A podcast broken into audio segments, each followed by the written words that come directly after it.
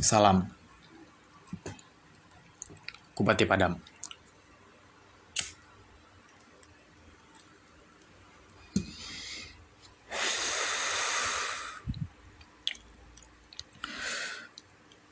Di sesi koheren yang koheren ini, aku mau ngebahas soal peninggalan dari Abu Abdullah Muhammad Ibnu Ali Ibnu Muhammad Ibnu Al-Arabi Al-Hatimi Al-To'i Al-Andalusi Al-Murshi Al-Dimaski. Itu di pasaran nama premannya itu Ibnu Arabi. Ibnu Arabi itu sepuh sufisme paling berpengaruh terutama untuk progresi filsafat Islam di Eropa. Kalau misalnya ada yang bilang peninggalan Ibnu Rus juga sama dikdayanya dengan peninggalan Ibnu Arabi, menurutku enggak. Karena apa yang dibawa sama Ibnu Rus itu dikaji ulang, diperluas, dikritik, diperbaiki, diperjelas. Ya, dalam tanda kutip disempurnakan sama Ibnu Arabi.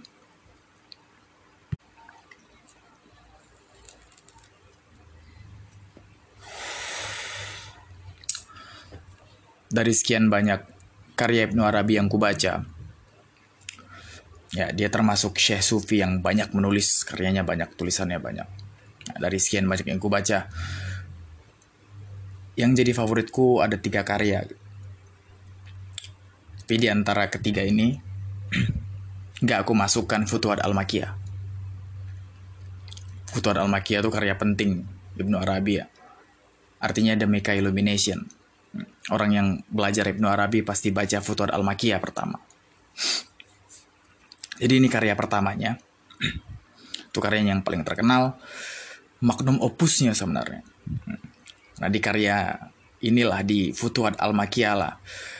Ibnu Arabi mencetus wahdatul wujud. The unity of being. Yang dia bilang puncak dari pertuhan. Tujuan utama manusia yang sampai sekarang itu sulit kali untuk dipahami. Karena kajian wahdatul wujud itu dasarnya mistisme dan spiritualitas murni. Dia nggak main fisik sama sekali. Makanya sulit diinterpretasi. Nggak pernah aku bilang hindarilah orang-orang yang mengaku memahami wahdatul wujud Ibnu Arabi. Itu nggak mungkin. Cuma Ibnu Arabi yang paham sama wahdatul wujudnya. Tapi tetap Futuhat Al-Makiyah ini karya penting lah untuk kajian sufisme dan filsafat Islam. Ya, walaupun penting gak masuk favoritku juga karena aku masih bingung sama isinya tentang gimana sebenarnya cara nyepakatinnya gitu. Sulit kali uh, ngabsorb apa yang dijabarin soal wahdatul wujud sebenarnya.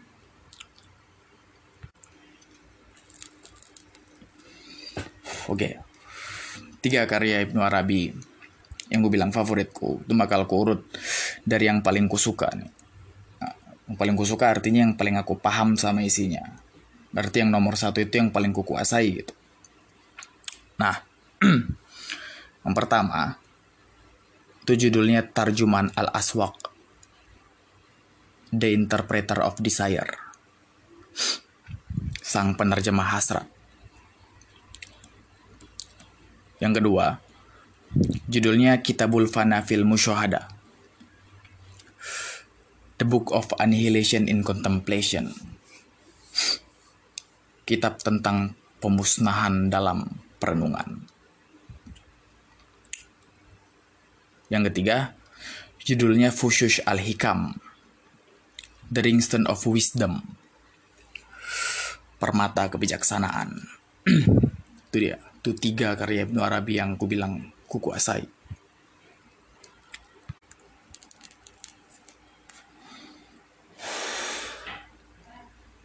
Yang pertama tadi, Tarjuman. Itu buku puisi. Isinya puisi. Tapi di dalamnya Ibnu Arabi nyisipin soal penjabarannya bicara soal poetical simbol dia, simbol-simbol yang dia pakai dalam puisinya untuk ngasih sensibilitas puitis. Jadi uh, bisa dibilang keberadaan penjelasan soal poetical simbol ini bakal ngebantu pembaca untuk memahamin isi puisinya itu gitu Sebenarnya enggak.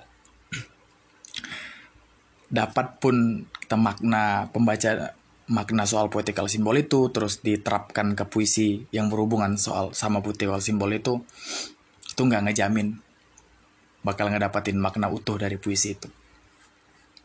Dan bahkan ada puisi-puisi yang setelah diterapkan makna poetical simbol itu malah makin sulit dicari artinya. Itu makanya aku suka kali tarjuman hmm, bandal. Ibnu Arabi di situ ngelece Ibnu Arabi di situ yang kedua Kitabul Fana tulis salah pendek untuk kuantitas Kitabul Fana itu lumayan tipis dibandingkan karya Ibnu Arabi yang lain. Tapi soal kualitas isinya padat kali. Ya, ya secara ini risalah kan. Risalah itu kan artinya penjabaran mendalam. Nah, Kitabul Fana cuma ngebicarain soal fana, soal pemusnahan, soal annihilation. Jadi pemusnahan itu apa? Padanannya di Buddha itu namanya moksha kan? Ya. Jadi dia bicara moksha itu apa tapi dari perspektif sufisme aku suka kitab Ulfana ini dari segi dialektiknya cara penyampaiannya cara penulisannya. Karena di sini Ibnu Arabi ngomongin soal kematian santai kali ya jadi nggak kayak karya-karya sufisme dengan tema serupa gitu. Di eranya. Kalau pernah baca puisiku yang barisnya ada ku bikin merangkul kematian sebagaimana anak sendiri yaitu ngereference ke kitabul fananya Ibnu Arabi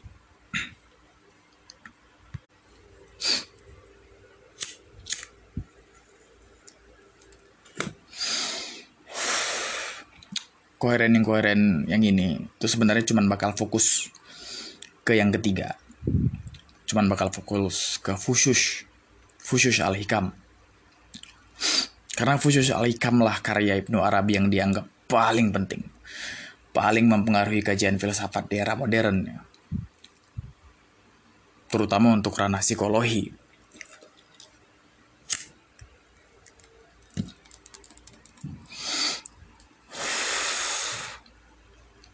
Judul tambahan koheren yang koheren ini aku bikin Ibnu Arabi berziarah ke pusara Freud dan Lacan.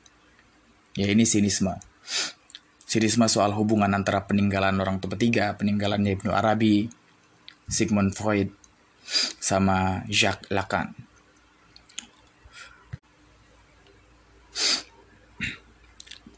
Singkatnya gini.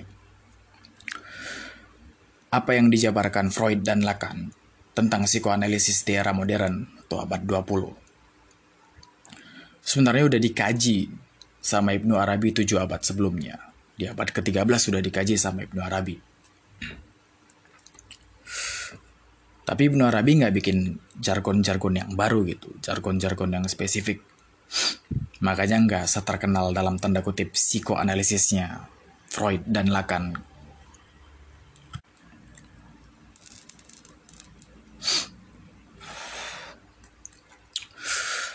Ibnu Arabi nuliskan apa yang kita kenal sebagai psikoanalisis sekarang. Ya di dalam buku Fusus Al-Hikam tadi. Konten Fusus Al-Hikam itu masif. Jadi bisa dibilang inilah rekoleksi terakhir dari Ibnu Arabi tentang pandangan spiritualnya, kajian mistisnya, interpretasi sama dunia, kurasinya terhadap Al-Quran dan keislaman. Ya, salah satu muatan khusus Al-Hikam itu soal tafsir Ibnu Arabi tentang kisah-kisah Nabi yang ditutur dalam Al-Quran. Jadi misal ada satu ayat kisah Nabi gitu. Nah, dia bakal nuliskan tafsir dari ayat itu tapi menurut pandangan dia. Nah, di tafsiran-tafsiran baru Ibnu Arabi itulah bisa dijumpain kajian psikoanalisis modernnya Freud dan Lacan.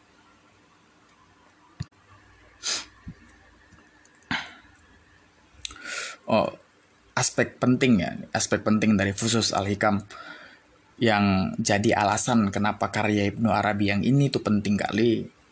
Karena di antara semua karyanya, Fusus Al-Hikam lah yang paling antroposentris, yang paling duniawi.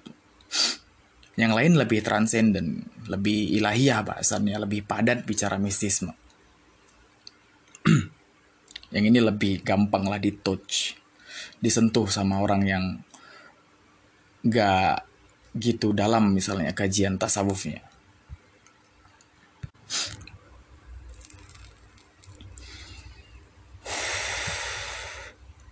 Tapi aku nanti nggak akan ngejabarin kompleksitas kajian Ibnu Arabi ya. Dan nanti juga nggak akan kubandingin lah sama kompleksitas kajiannya Freud dan Lacan. Karena nanti nggak bakal habis-habis podcast ini. Ini podcast mau kubuat singkat sebenarnya.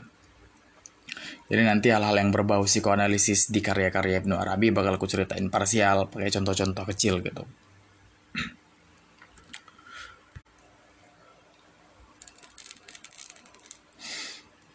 Oke. Okay.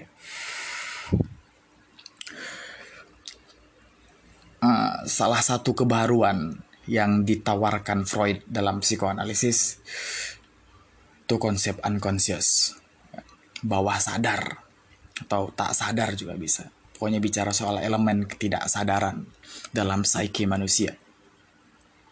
Nah, konsep ini sebelumnya udah dijelasin sama Ibnu Arabi dalam Fusu al-Hikam, tapi istilahnya beda lah. Istilahnya Allah syuur. Jadi Allah syuur ini maknanya sama, ketidaksadaran. Tapi udah luan Ibnu Arabi ngebahas ini dibandingkan Freud.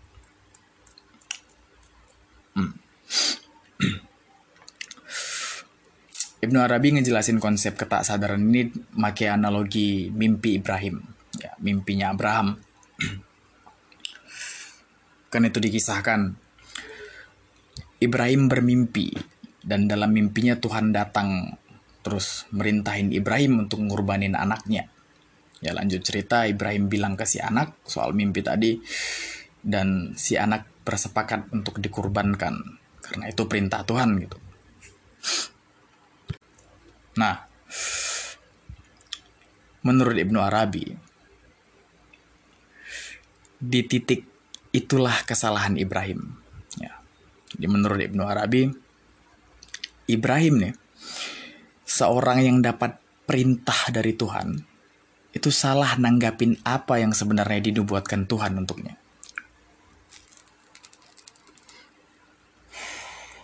Di Fusus Alikam, itu Ibnu Arabi jelas-jelas bilang kalau Ibrahim itu lalai. Ibrahim itu lalai atas tafsiran, dia bilang gitu.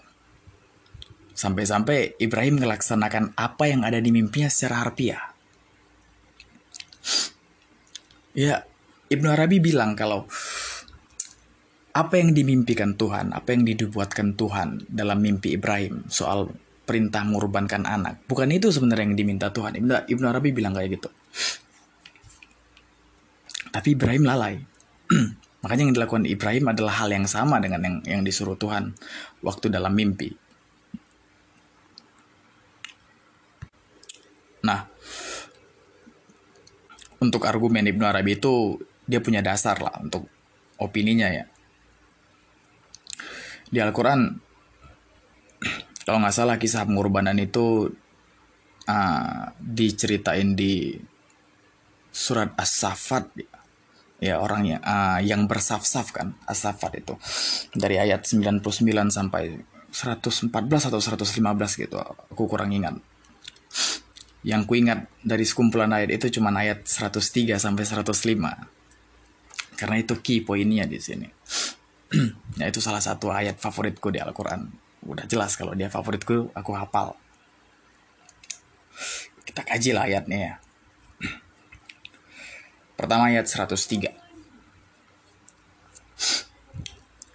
Itu bunyinya falamma aslama watallahu lijabin. Falamma aslama itu artinya tatkala keduanya telah berserah, keduanya di situ Ibrahim dan anaknya. Jadi tatkala Ibrahim dan anaknya berserah. lanjutannya watallahu lil jabin dan dia baringkan anaknya pada salah satu pelipisnya. Dia di sini Ibrahim dan Ibrahim baringkan si anak pada salah satu pelipisnya. Jadi itu dibaringkan miring ya. Salah satu pelipis si anak itu nyentuh uh, tapalan landasan tempat dia dibaringkan gitu.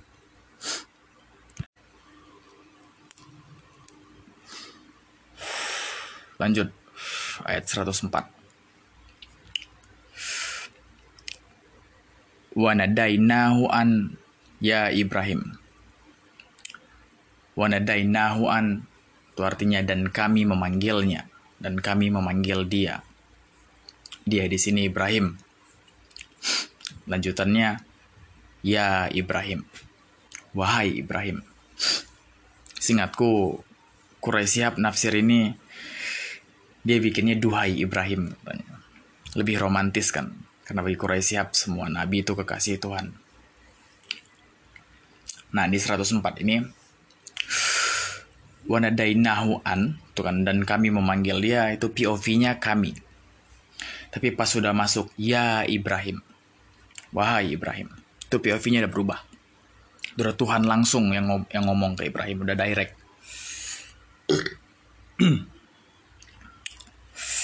Lanjut ke 105 ayat 104 memang dipenggal sampai situ. Kalau bahasa sastranya itu enjamment, pemenggalan.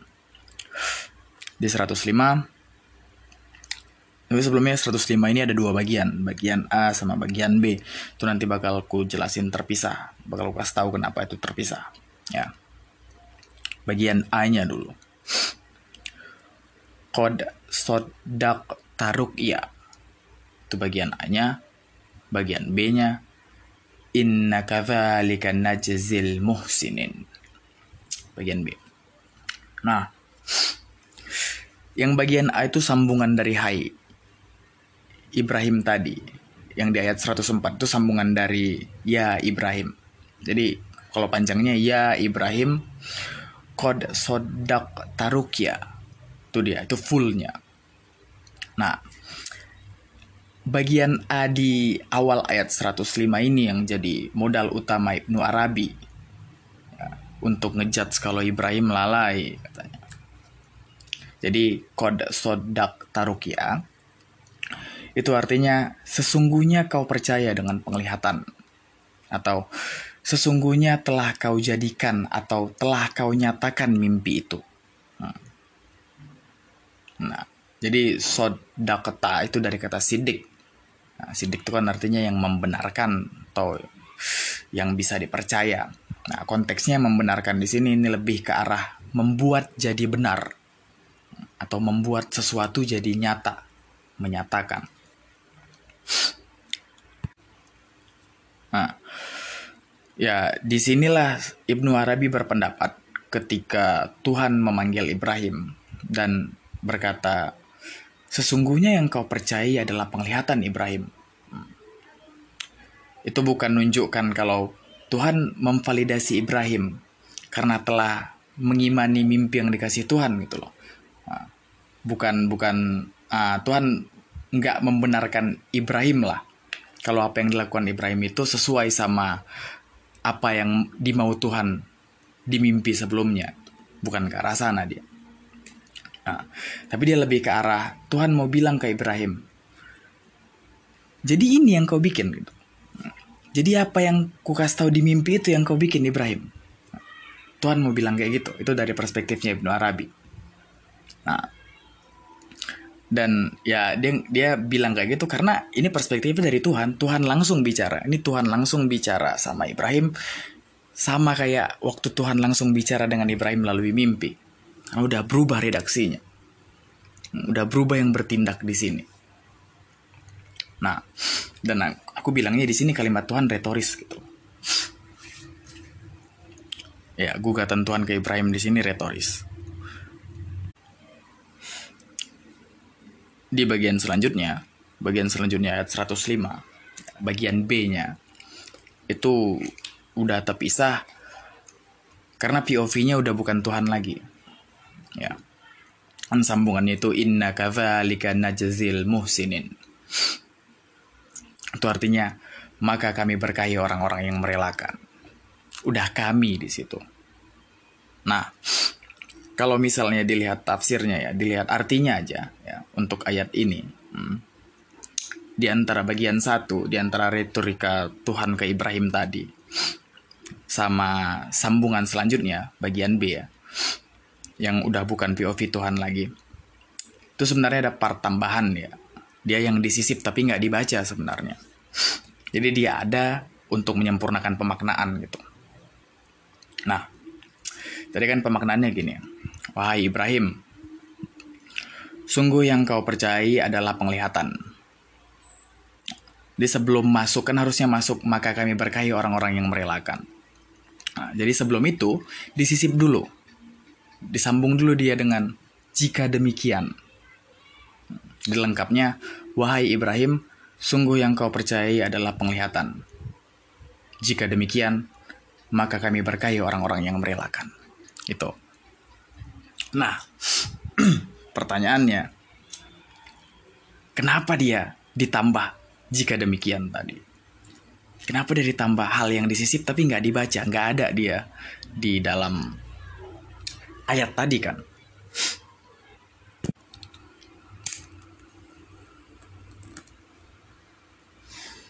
Soal itu, lumayan sulit sebenarnya untuk ngejabarin cemana prosesnya ya, tapi ini salah satu bentuk korelasi antara konteks lafal dan makna di Al-Quran. Ya, itu salah satu fungsi gramatika yang keren sebenarnya, menurutku keren ya di Al-Quran. Jadi, kalau misalnya ini disusun teratur, tiga ayat ini disusun teratur. Narasinya 104 dulu, jadi ayat 104 dulu, baru ayat 103. Kenapa? Karena ayat 103 memperjelas 104 Hmm. Jadi urutan lengkap sebenarnya gini. Ayat 104 ya. Masuk dulu 105 bagian A. Masuk sisipannya. Masuk 103 baru masuk 105 bagian B. Kalau dirunut maknanya bakal jadi gini. Dan Tuhan menegur Ibrahim. Wahai Ibrahim, Sesungguhnya yang kau percayai hanyalah penglihatan. Jika demikian, di saat Ibrahim dan anaknya berserah dan dibaringkanlah si anak pada pelipisnya, kami berkahi pula orang-orang yang merelakan. Itu narasinya. Sintaksnya berubah. Transposisi dia. Keren kali itu. Gak, nggak heran aku hafal. Karena itu tiga ayat tapi komplek, kompleksnya kayak gitu.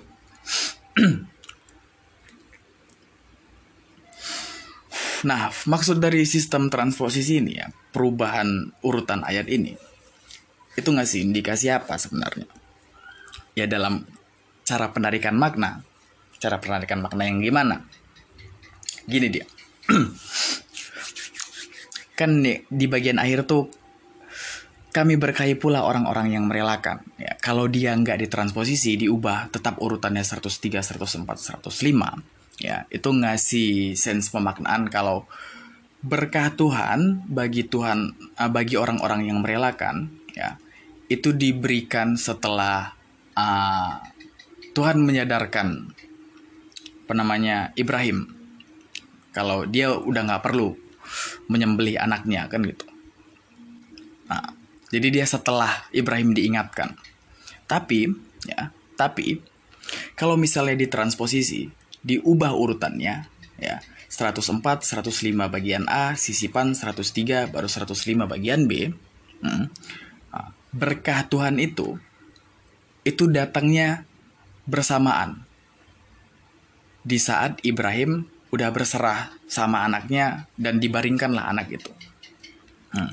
jadi sebelum prosesi orang tuh baru berserah si anak baru dibaringkan bam udah diberkahi Tuhan orang-orang yang merelakan. Jadi orang-orang yang merelakan itu nge-refer ke Ibrahim dan anaknya hmm, yang rela melakukan yang mereka anggap sebagai nubuat Tuhan kan. Ikhlas itu, konsep ikhlas itu.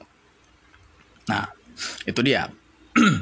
Berubah dia sistem pemaknaannya. Sama sebenarnya. Uh, intinya sama.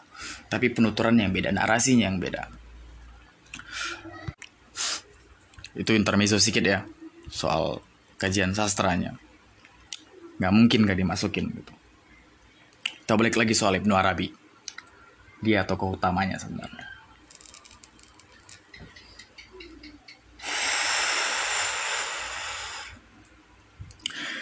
Jadi menurut Ibnu Arabi, bukti bahwa Ibrahim itu lalai dan menanggapi mimpi dari Tuhan secara harfiah. Ya, itu sabda teguran langsung dari Tuhan di ayat 105. Ya, selanjutnya Ibnu Arabi di bukunya itu ngejabarin apa yang membuat Ibrahim lalai. Itu ketidaksadaran Ibrahim. La yash syuur ketidaksadaran Ibrahim dia jadi la ya jadi la ya syuur. Hmm. ya atas apa ya? Atas penglihatan melalui mimpi tadi. Jadi I, Ibnu Arabi nganggap Ibrahim nggak sadar nah, soal makna sebenarnya dari visi yang dikasih Tuhan itu dari mimpi yang dikasih Tuhan itu. Menurut Ibnu Arabi tidur dan mimpi ya, itu terjadi di alam imajinasi itu di hadrat al khayal namanya alam imajinasi. Nah dan karena dia imajiner maka bagi Ibnu Arabi mimpi itu subjek bagi interpretasi ya. Mimpi itu harus tunduk pada interpretasi. Pemaknaan utamanya harus melalui interpretasi harus melalui tafsir bagi Ibnu Arabi. Nah, lanjutan Ibnu Arabi bilang sesuatu yang nyata itu nggak pernah nggak sadar akan segala sesuatu. Ya, jadi yang nyata itu udah pasti sadar akan segalanya. Tapi seorang hamba itu nggak akan sadar terhadap hal-hal yang nyata tadi. Ya, serta hubungan yang nyata tadi dengan hal lain. Hmm. Dia nutupnya pakai itu. nah, itu maksudnya apa? Itu nanti. Itu bakal nantilah. Gue jabarin. Kumpulin dulu variabelnya.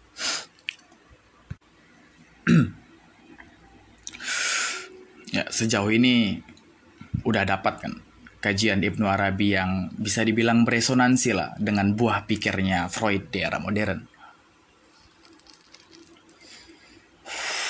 Pertama tentang keberadaan unconscious, tentang alam bawah sadar. Ya. Yang kedua soal tafsir mimpi, soal interpretasi dari penglihatan. Hmm.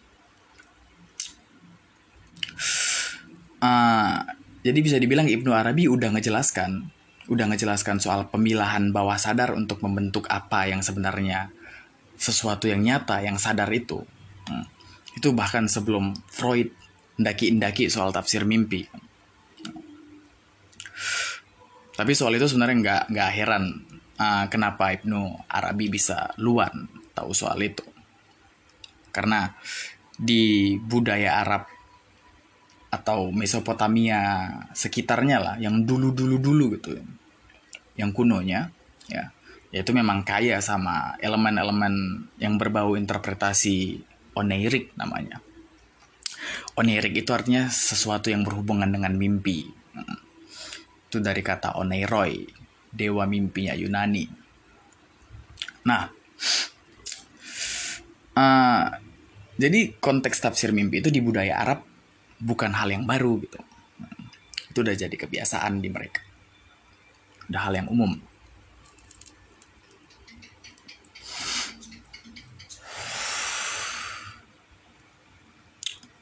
Nah, apa yang dibilang Freud ya soal mimpi, soal mimpi yang ditafsirkan, hmm, itu sama dengan apa yang dibilang Ibnu Arabi sebelumnya. Nah, dari Freud, mimpi itu seperti teks katanya ya kan? Dia punya makna manifest dia punya makna yang tampak. Nah kalau Ibnu Arabi makna yang tampak itu itulah sisi zahirnya dari mimpi. Nah, dia bilang makna yang tampak itu makna manifest itu sebagai sisi zahir katanya. Yang satu lagi bagi Freud makna satu lagi itu makna laten atau makna terpendamnya. Hmm. di versi Ibnu Arabi makna laten itulah sisi batin dari mimpi Ya. Lanjut bagi Freud, penemuan makna laten itu bisa dipahami dengan bantuan tanda, dengan bantuan sign, simbol. Nah, itu yang pertama. Yang kedua dengan bantuan kiasan atau metafor atau alusio. Nah, sama juga bagi Ibnu Arabi, ya, penemuan sisi batin dari mimpi, ya, itu harus dikaji dulu ayat dan isyaratnya. Jadi tanda itu ayat, kiasan itu isyarat. Sama dia kajiannya.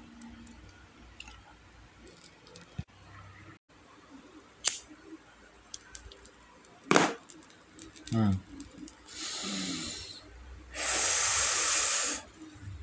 Uh, kasih contoh lain lah ya.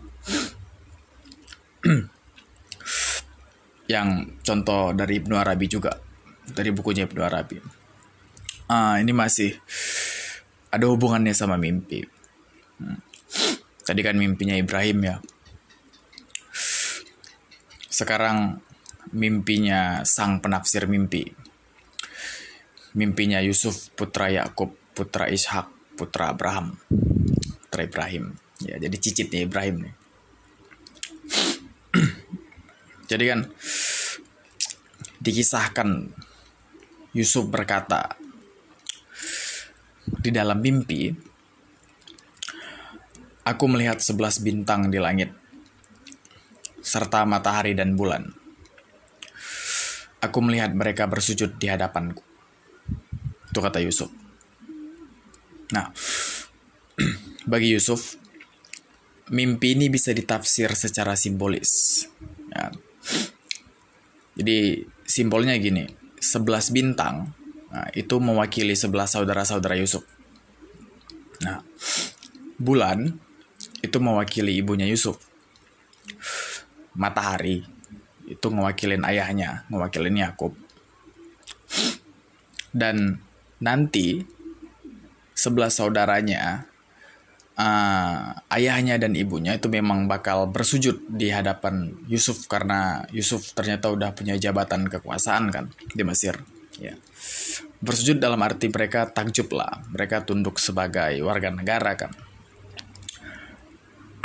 karena ternyata Yusuf udah jadi orang gitu loh nah kalau nggak salah kumpulnya itu kumpul mereka di Mesir tuh setelah 40 tahun setelah mimpinya Yusuf. Nah, dan itulah tafsirannya Yusuf ya. Itu yang didapat Yusuf dari epipaninya lah ke mukjizatannya yang diceritakan yang dianggap kalau uh, itulah sebenarnya gambaran dari Tuhan atau pertanda dari Tuhan. Nah, tafsiranku sama mimpi Yusuf nggak gitu. Ya. Jadi ada hal yang sama, tapi ada yang menurutku beda karena bisa dicari simbol spesifiknya. Ya. Soal 11 bintang itu ya itu 11 saudaranya Yusuf. Kenapa mereka bintang? Karena udah pasti dia terlihat jauh kan. Itu untuk simbol keterasingan Yusuf dari saudara-saudaranya. Nah, bulan bulan memang pas untuk jadi simbol ibunya Yusuf. Nah, karena di budaya Mesopotamia, Yusuf itu kan diturunkan di wilayah Mesopotamia. Bulan itu simbol feminim dan kecantikan, tapi dari sisi keibuan, ya, bukan dari sisi perempuan yang sifatnya gadis, perawan, karena itu simbol dari Venus sebenarnya, simbol dari Istar. Ya. Soal bapaknya Yusuf, sama aku, bapaknya Yusuf nggak disimbolkan, Yakub itu nggak disimbolkan dengan matahari, Ya, tapi simbol Yakub itu langit. Apa? Ya balik lagi lah ke budaya Mesopotamia yang selalu merujuk langit sebagai aspek maskulin dan, dan uh, kekuasaan. Karena dari di mitologi Mesopotamia, langitlah yang memberikan benih utama kehidupan. Kan itu. Nah. Terus matahari simbol apa? Tuh, matahari itu simbol apa? matahari itu simbol Mesir. Ya. Kenapa? Ya selain karena di budaya Mesir, ya kan, matahari itu simbol otoritas dan umur panjang. Hmm, merujuk kepada Amunra. Tapi kayaknya di era Yusuf Amunra belum ada deh. Tapi itu tetap selalu jadi simbol otoritas dan umur panjang. Nah, terus juga dari aspek korespondensi antar objek nih di mimpi-mimpinya Yusuf. Hmm matahari itu kuanggap jadi objek yang paling dekat paling dekat ke Yusuf, paling besar, paling mudah dicitra oleh Yusuf kan gitu. Hmm. Terus juga objek yang lain kayak sebelas bintang, langit, bulan. Nah, dia punya adjektiva yang sama, dia punya penyifatan yang sama. Apa? Dia mengindikasikan sens malam. Sedangkan matahari itu sensnya siang gitu. Artinya dia udah aspek terpisah dari dari circle keluarganya Yusuf. Nah, makanya matahari itu lebih utama dia jadi simbol Mesir dibandingkan ayahnya Yusuf. Itu interpretasi kok sama mimpinya Yusuf.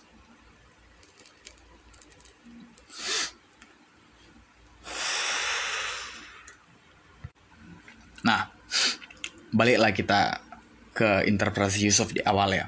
ya. Cemana lah pendapat Ibnu Arabi soal tafsiran Yusuf itu.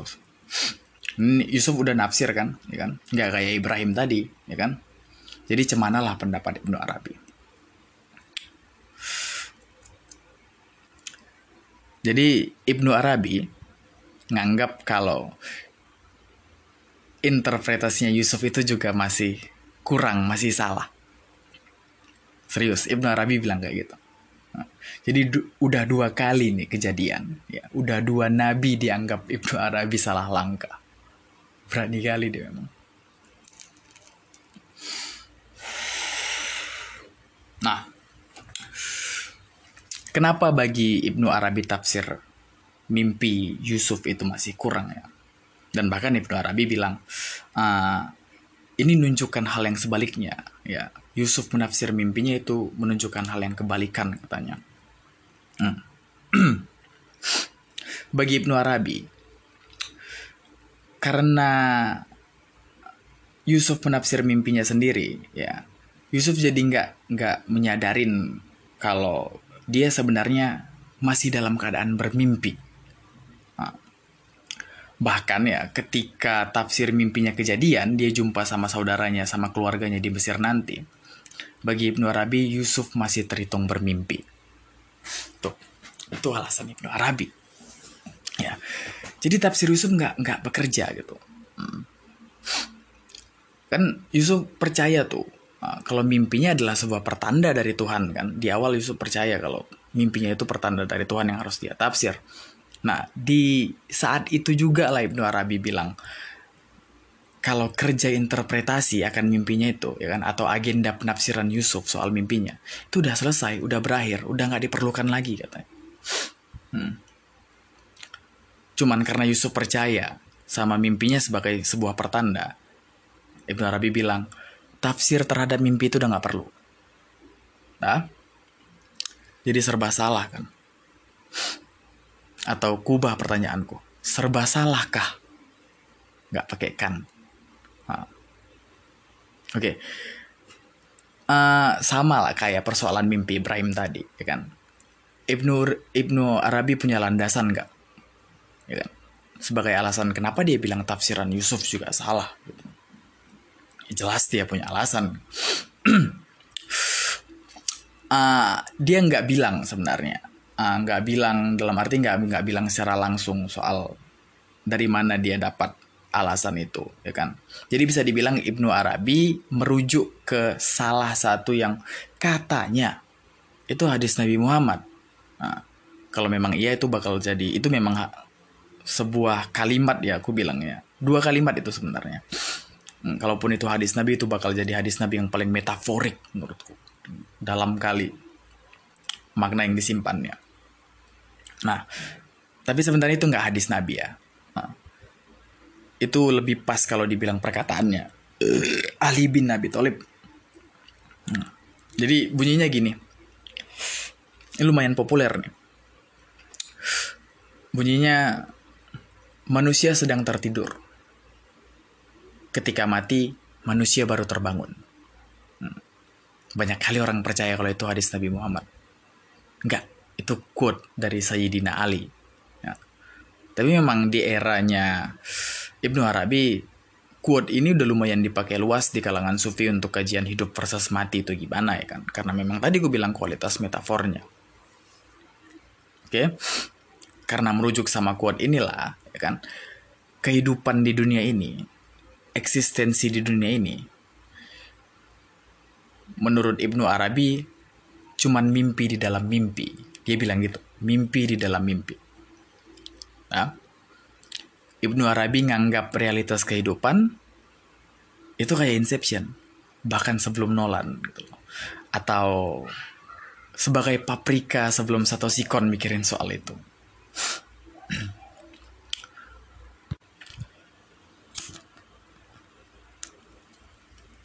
Hmm. Dulu aku pernah baca ada buku soal korelasi antara sufisme dan taoisme. Penulisnya orang Jepang kalau nggak salah. Ya. Aku nggak ingat ta, siapa nama penulisnya, tahunnya sekitar 1980-an atau 1990-an itu. Nah, jadi si penulis di buku itu bilang kalau titik awal dari pemikiran hakikah lah, pemikiran ontologisnya Ibnu Arabi ya. Hmm. Itu bicara soal apa yang dianggap sebagai realitas, apa yang dianggap sebagai kenyataan, hmm, yang so-called realitas gitu loh, yang so-called kenyataan. Itu sebenarnya cuma mimpi. Bagi Ibnu Arabi itu cuma mimpi. Ya.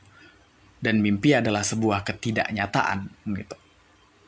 Nah, tapi bukan berarti konsesi ketidaknyataan atas kenyataan tadi ya itu bentuknya fantasi subjektif. Nah, lebih tepat kalau dia dibilang bentuknya itu ilusi objektif. Nah, itu pandangan Ibnu Arabi.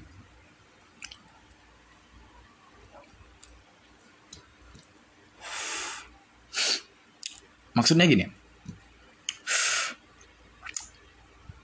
penyepakatan bahwa kenyataan dunia ini sebenarnya fiktif uh, atau apa yang nyata sebenarnya nggak nyata uh, sebagaimana mimpi kan nggak nyata seperti mimpi uh,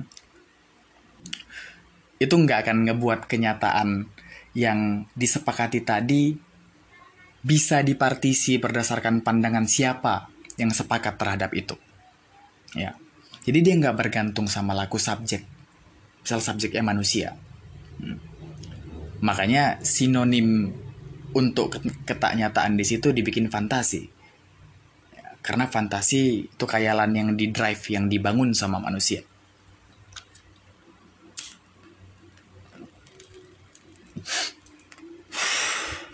Nah, jadi kenyataan di dunia ini kayak mana ya? Kenyataan di dunia ini sebenarnya cuma kayali gitu. Karena dia memang udah kayali dari awal. Ya, memang dasarnya apa yang didefinisikan sebagai yang nyata sebenarnya nggak nyata. Dan itu nggak bisa dilawan kata Ibnu Arabi. Itu dia. ya, jadi ketidaknyataan kenyataan dinyatakan ketidaknyataannya Aku bilang gitu. Senyata-nyatanya ketidaknyataan adalah kenyataan yang dinyatakan. Nah, kenyataan ditidaknyatakan oleh ketidaknyataan yang nyata. Hmm. Bisa habis waktuku seharian kalau mau main wordplay kayak gini. Enak ngulak apa mutar-mutar katanya, kata-kata yang sama, yang kontradiktif untuk ngebentuk maknanya apa. Dah itu aja lah. Cukup jelas kurasa aku jabarin pandangan Ibnu Arabi soal realitas ya. Nah. sama aku cukup jelas. Nggak tau lah. Gini aja dah. Aku permudah. Semoga mempermudah kan gitu. Nah dasarnya gini. Kan Ibnu Arabi nganggap kalau eksistensi kita itu mimpi dalam mimpi. Itu yang mau dibuktikan. Dah Terus, apa yang terdefinisikan sebagai realita, sebagai kenyataan, ya, itu sebenarnya cuma mimpi atau sesuatu yang nggak nyata. Kan gitu. Nah, tapi mimpi tadi bukan nggak nyata secara subjektif. Nah, jadi mimpi tadi bukan hal yang generatif, bisa dibentuk. Ya. Jadi dia nggak nyatanya bukan sebagai fantasi, ya. bukan sebagai apa yang datang dari manusia. Nah, mimpi tadi dia nggak nyata secara objektif. Dia nggak nyata tanpa ada kendali dari pembentuknya. Dia nggak nyata secara antecedental, ya, tanpa sebab akibat. Hmm. Ya mimpi tadilah ketidaknyataannya kan, dia nggak nyata sebagai ilusi. Dah. Terus konsep objektif subjektif di sini ya itu lebih ke dualisme eksternal internal. Nah, jadi objektif lah eksternalnya. Dialah kenyataan sebagai elemen luar yang konsep ketaknyataannya terjadi tanpa campur tangan pengindra, tanpa campur tangan manusia misalnya. Ya, pengindra lah kan. Nah, sedangkan yang subjektif itu internalnya. Ya. Itu kenyataan sebagai elemen dalam yang ketaknyataannya itu bergantung sama konsepsi si pengindra gitu loh. Hmm. Jadi yang satu kenyataan yang objektif itu tidak bergantung sama manusia. Ya. Kalau dia internal dia bergantung sama manusia. Yang nyata jadi nggak nyata bergantung sama manusia. Nah, artinya ya uh, realitas sebagai mimpi ya sebagai sesuatu yang tak nyata itu udah absah tanpa perlu divalidasi. Kan gitu. Ini yang awal nih, realitas awal. Nah, selanjutnya, ya kan, ilusi dari realitas itu, ya kan, itu bakal jadi realitas baru atau so-called realitas baru. Berdasarkan siapa? Berdasarkan perspektif pengindra. Nah, karena si pengindra sepakat bahwa realitas adalah mimpi, maka so-called realitas baru tadi itu bakal dinyatakan sebagai mimpi baru lagi. Sebagai ketaknyataan baru lagi, tapi yang subjektif. Nah, di situlah tercapai definisi Ibnu Arabi bahwa eksistensi kita, manusia, kita, si pengindra, itu mimpi di dalam mimpi. Ya. Jadi realitas awal udah berubah dulu jadi mimpi, baru mimpi tadi diinter kita perspektifkan lagi sebagai mimpi yang subjektif. Makanya mimpi di dalam mimpi. Itulah pandangan Ibnu Arabi di abad ke-13.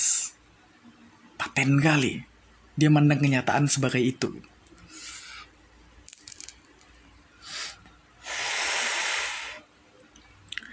Di era modern ada yang kayak gitu. Di era sekarang bahkan. Darwinisme metafisik misalnya. Tapi pandangan Ibnu Arabi itu nggak nggak sama ya sama Darwinisme metafisik. Karena di Darwinisme metafisik uh, konsepsi abstrak dari realita yang dianggap lebih nyata dibandingkan realita itu sendiri ya kan? Padahal konsepsinya ada karena hasil refleksi lah ke realitas awal gitu. Makanya dia rada mirip sama pandangan Ibnu Arabi tapi jauh sebenarnya pandangan Ibnu Arabi dari metaphysical Darwinism lanjut ya. Tahu kurung lumayan padat atau enggak yang gue kasih tahu tadi? Lanjut aja. Nah kita lanjut soal konsepsi Ibnu Arabi soal realitas diperjelas lagi. Dah. Dan jadi kan bagi Ibnu Arabi realitas tadi di satu saat dia nggak nyata gitu. Loh nah, dia mimpi. Tapi di saat yang sama realitas itu belum tentu jadi ilusi. Kenapa? Karena dasarnya dia realitas. Kan gitu. Nah, yang kayak gini, ya, itu sama dengan kajian ranah imajinernya Lakan. Atau imaginary ordernya Lakan. Ya, ya kalau nggak salah Lakan juga ngaku dia pernah baca pandangan Ibnu Arabi dari karya-karyanya siapa Henry Corbin ya itu salah satu filsuf Prancis juga dari karya-karya Henry Corbin dia baca soal pandangan Ibnu Arabi. Nah, jadi kan tadi gue bilang sama dia, sama ranah imajinernya Lakan. Ibnu Arabi juga punya pandangan soal ranah imajiner. Nah, jadi bagi Ibnu Arabi, ranah imajiner itu perantara dia bilang. Hmm. Dia penghubung, penghubung yang menghubungkan ranah spiritual yang abstrak dan ranah korporeal yang fisik gitu. Jadi bagi Ibnu Arabi, apa yang dia sebut ranah imajiner itu berada di ambang ada dan tak ada. Hmm. Ya apa yang ada di ranah imajiner itu nggak bisa cuman ada aja atau nggak ada aja. Jadi dia kayak paradoks Schrödinger cat. Hmm. Dia ada dan nggak ada di saat yang sama. Nah, kalau versi nyalakan, ya, ranah imajiner nyalakan atau imaginary order nyalakan, itu bicara soal tempat di mana idea atau konsepsi lah atau abstraksi terbentuk terlahir. Nah, ya sebelum diantar nanti perwujudannya ke ranah simbolik ke simbolik order. Nah, terus lanjutannya dia dimutlakkan lah di ranah real kan gitu. Dalam versi Lakan, di fase imajiner segala ide itu punya kans yang sama untuk dianggap ada dan gak ada tapi nggak bisa salah satunya ada atau nggak ada gitu. Dia harus ada dan nggak ada juga di saat yang sama. Persis persis apa yang dibilang Ibnu Arabi. Nah, jangankan itulah penjelasan dari imaginary ordernya lah kan itu selalu pakai uh, ada tuh namanya mirror stage kan atau tahap cermin dalam kajiannya Lakan. Hmm. Di tulisannya Ibnu Arabi di Fusus al di Fusus al Hikam itu Ibnu Arabi ada nuliskan monolog dia ngobrol sama dirinya sama bayangan dirinya di depan cermin dan dia mempertanyakan kebayangannya gitu loh apakah bayangan dia di cermin itu ada atau nggak ada sebenarnya dan dia ngejawab sendiri ya dia ngejawab sendiri dan dia bilang bayangannya dalam kondisi imajiner. Jadi dia ada dan gak ada di saat yang sama. Itu yang dibilang sama Ibnu Arabi. Dan itu sama dengan dengan uh, mirror stage atau tahap cerminnya dari Lakan. Aneh kali itu. Jadi apalah kesimpulannya? apakah Freud dan Lacan ngopi karyanya Ibnu Arabi? Sebenarnya enggak. Sebenarnya enggak. aku ngutip aja ya, aku ngutip dari Abu Al-Wafa Al-Taftazani namanya ya, dari Al-Taftazani. Tapi ini yang Mesir ya, Al-Taftazani yang Mesir. Karena ada juga tuh uh, Sufi Al-Taftazani tapi yang dari Persia yang tulisannya berat kali untuk dibaca. Bukan yang Persia ini. Yang Mesir. Nah, jadi kata Al-Taftazani, ilmu tasawuf itu, ilmu tasawuf itu sufisme. Ya. Ilmu tasawuf dan psikoanalisis itu sama. Kenapa? Karena dua-duanya bergantung sama metode introspeksi. Nah, dua-duanya nggak main di ranah jiwa tampak. Ya, dia nggak main, dia nggak bicara soal akal fisik sebenarnya. Nah, dia malah lebih uh, sufisme atau tasawuf dan psikoanalisis ini lebih main di bagian yang laten gitu. Hmm, yang lebih mendalam, yang intrinsik. Nah, dan bagian laten inilah yang didominasi sama kerja nafas atau hasrat seksual. Itu yang ngedrivingnya. Nah, lanjutannya, tasawuf dan psikoanalisis ya itu sama-sama nyelam ke dalam batin atau ke dalam alam makna, hmm, dalam alam rasa gitu loh. Ya, alam makna atau alam rasa inilah sebenarnya domainnya kolbu. Ya. Uh, hati, tapi konteksnya abstrak ya, atau jantung konteksnya abstrak, bukan yang fisik. Hmm. Dan itu sama-sama masuk kajian psikoanalisis dan tasawuf. Nah, akhirnya ya, goalnya tuh lanjutannya itu nanti tasawuf dan psikoanalisis bakal ngejangkau yang namanya alam bawah sadar. Nah, kalau kata Freud namanya unconscious. Itu tujuan utamanya. Kalau kata Ibnu Arabi ya al-nasyur yang di awal tadi. Hmm. Tujuannya sama, goalnya sama untuk menemukan alam bawah sadar tadi. Nah, jadi aku nganggapnya Syekh Syekh Sufi dulu ya. Itu sebenarnya udah jadi psikoanalis bahkan sebelum psikoanalisis ada gitu. Mereka udah ngelampaui zaman. Pantas banyak yang dituduh sesat kan. Karena kajian mereka nggak nggak bisa diterima zaman gitu. nah,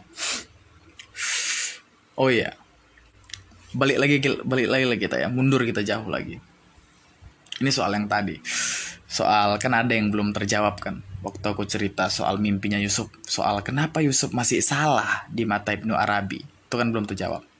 Satu lagi sama soal quote. Ibnu Arabi tentang sesuatu yang nyata dapat menyadari segalanya gitu. Itu juga belum dapat penjelasannya. Ini biar, biar aku jelasin. Tadi kan kata Al-Taftazani, akhir dari eksplorasi sufisme dan psikoanalisis itu sama. Dia berakhir di alam bawah sadar, kan gitu.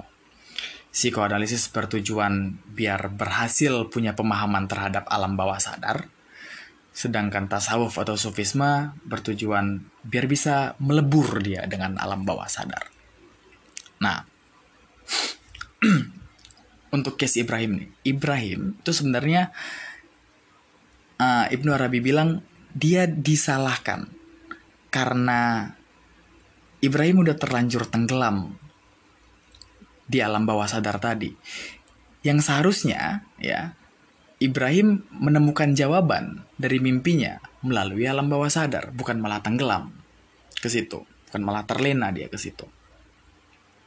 Nah, untuk case Yusuf, Yusuf itu disalahkan Ibnu Arabi ya karena Yusuf juga tenggelam dia Yusuf juga tenggelam di alam bawah sadar tapi Yusuf ngerasa dia udah berhasil sebenarnya ngurah nguras alam bawah sadar itu sampai kering gitu nah jadi kan kesalahan Ibrahim dan Yusuf ini sama didasari karena perilaku mereka atau respon mereka terhadap apa yang dibilang alam bawah sadar tadi.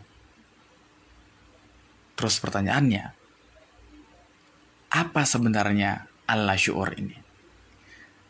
Apa sebenarnya alam bawah sadar di kepala Ibnu Arabi?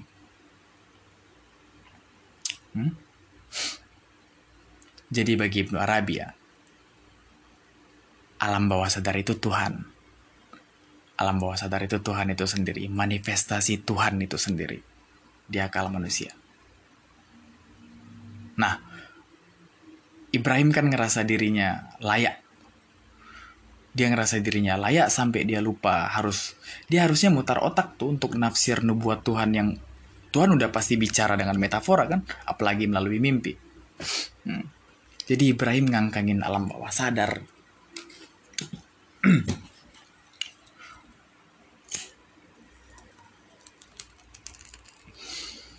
Yusuf Yusuf juga sama.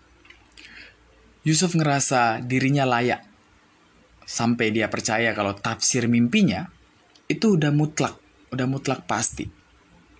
Padahal kan Tuhan itu nggak, Tuhan nggak singgah ke mimpinya Yusuf. Nggak sama kayak kejadian Ibrahim.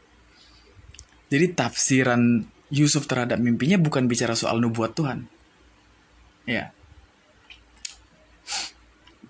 Dan di posisi itu Yusuf bermain Tuhan. Alam bawah sadar dijengkalinya. itu dia maksudnya. Nah, jadi dalam Fusus Al-Hikam ya, Ibnu Arabi itu betul-betul ngegambarin tindak tanduk Nabi sebagai tindak tanduk manusia gitu loh. Ya. Dia nggak nggak takut ngecap tindakan seorang Nabi itu salah, ya kan? Dan dia bilang si Nabi A ini mispersepsi atas perintah Tuhan gitu. Hmm. Ya apologismenya dia bilang ya itulah sisi manusiawinya Nabi. Makanya dia bisa salah karena dia manusia. Ibnu Arabi bilang kayak gitu.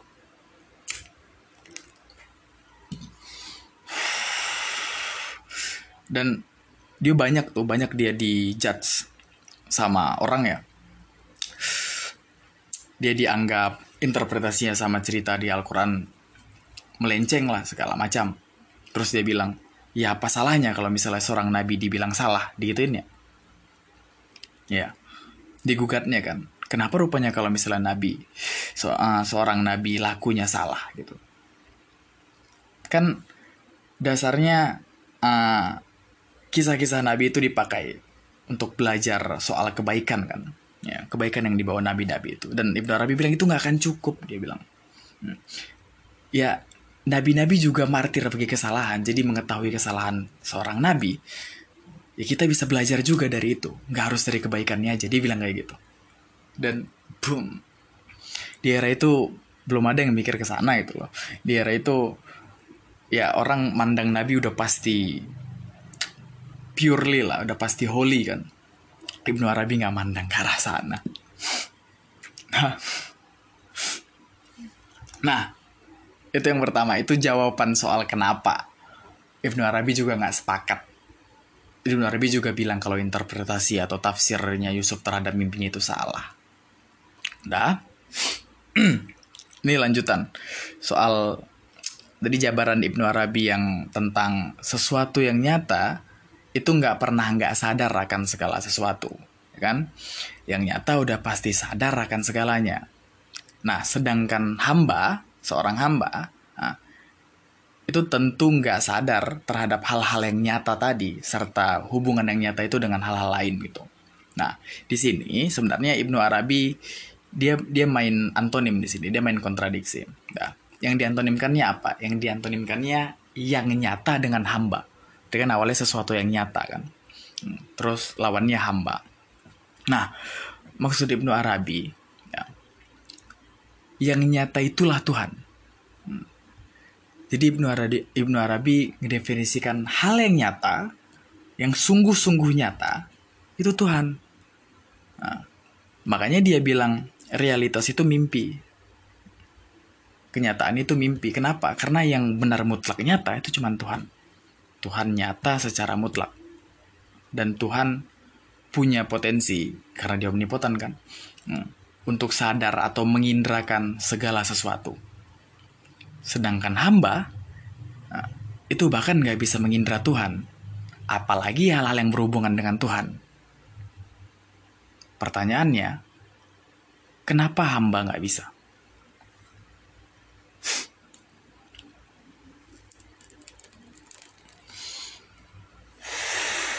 Karena hamba itu nggak nyata.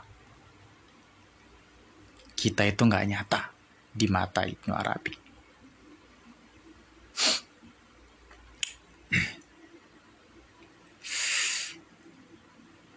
Akhir kata. Akhir kata tutup lah.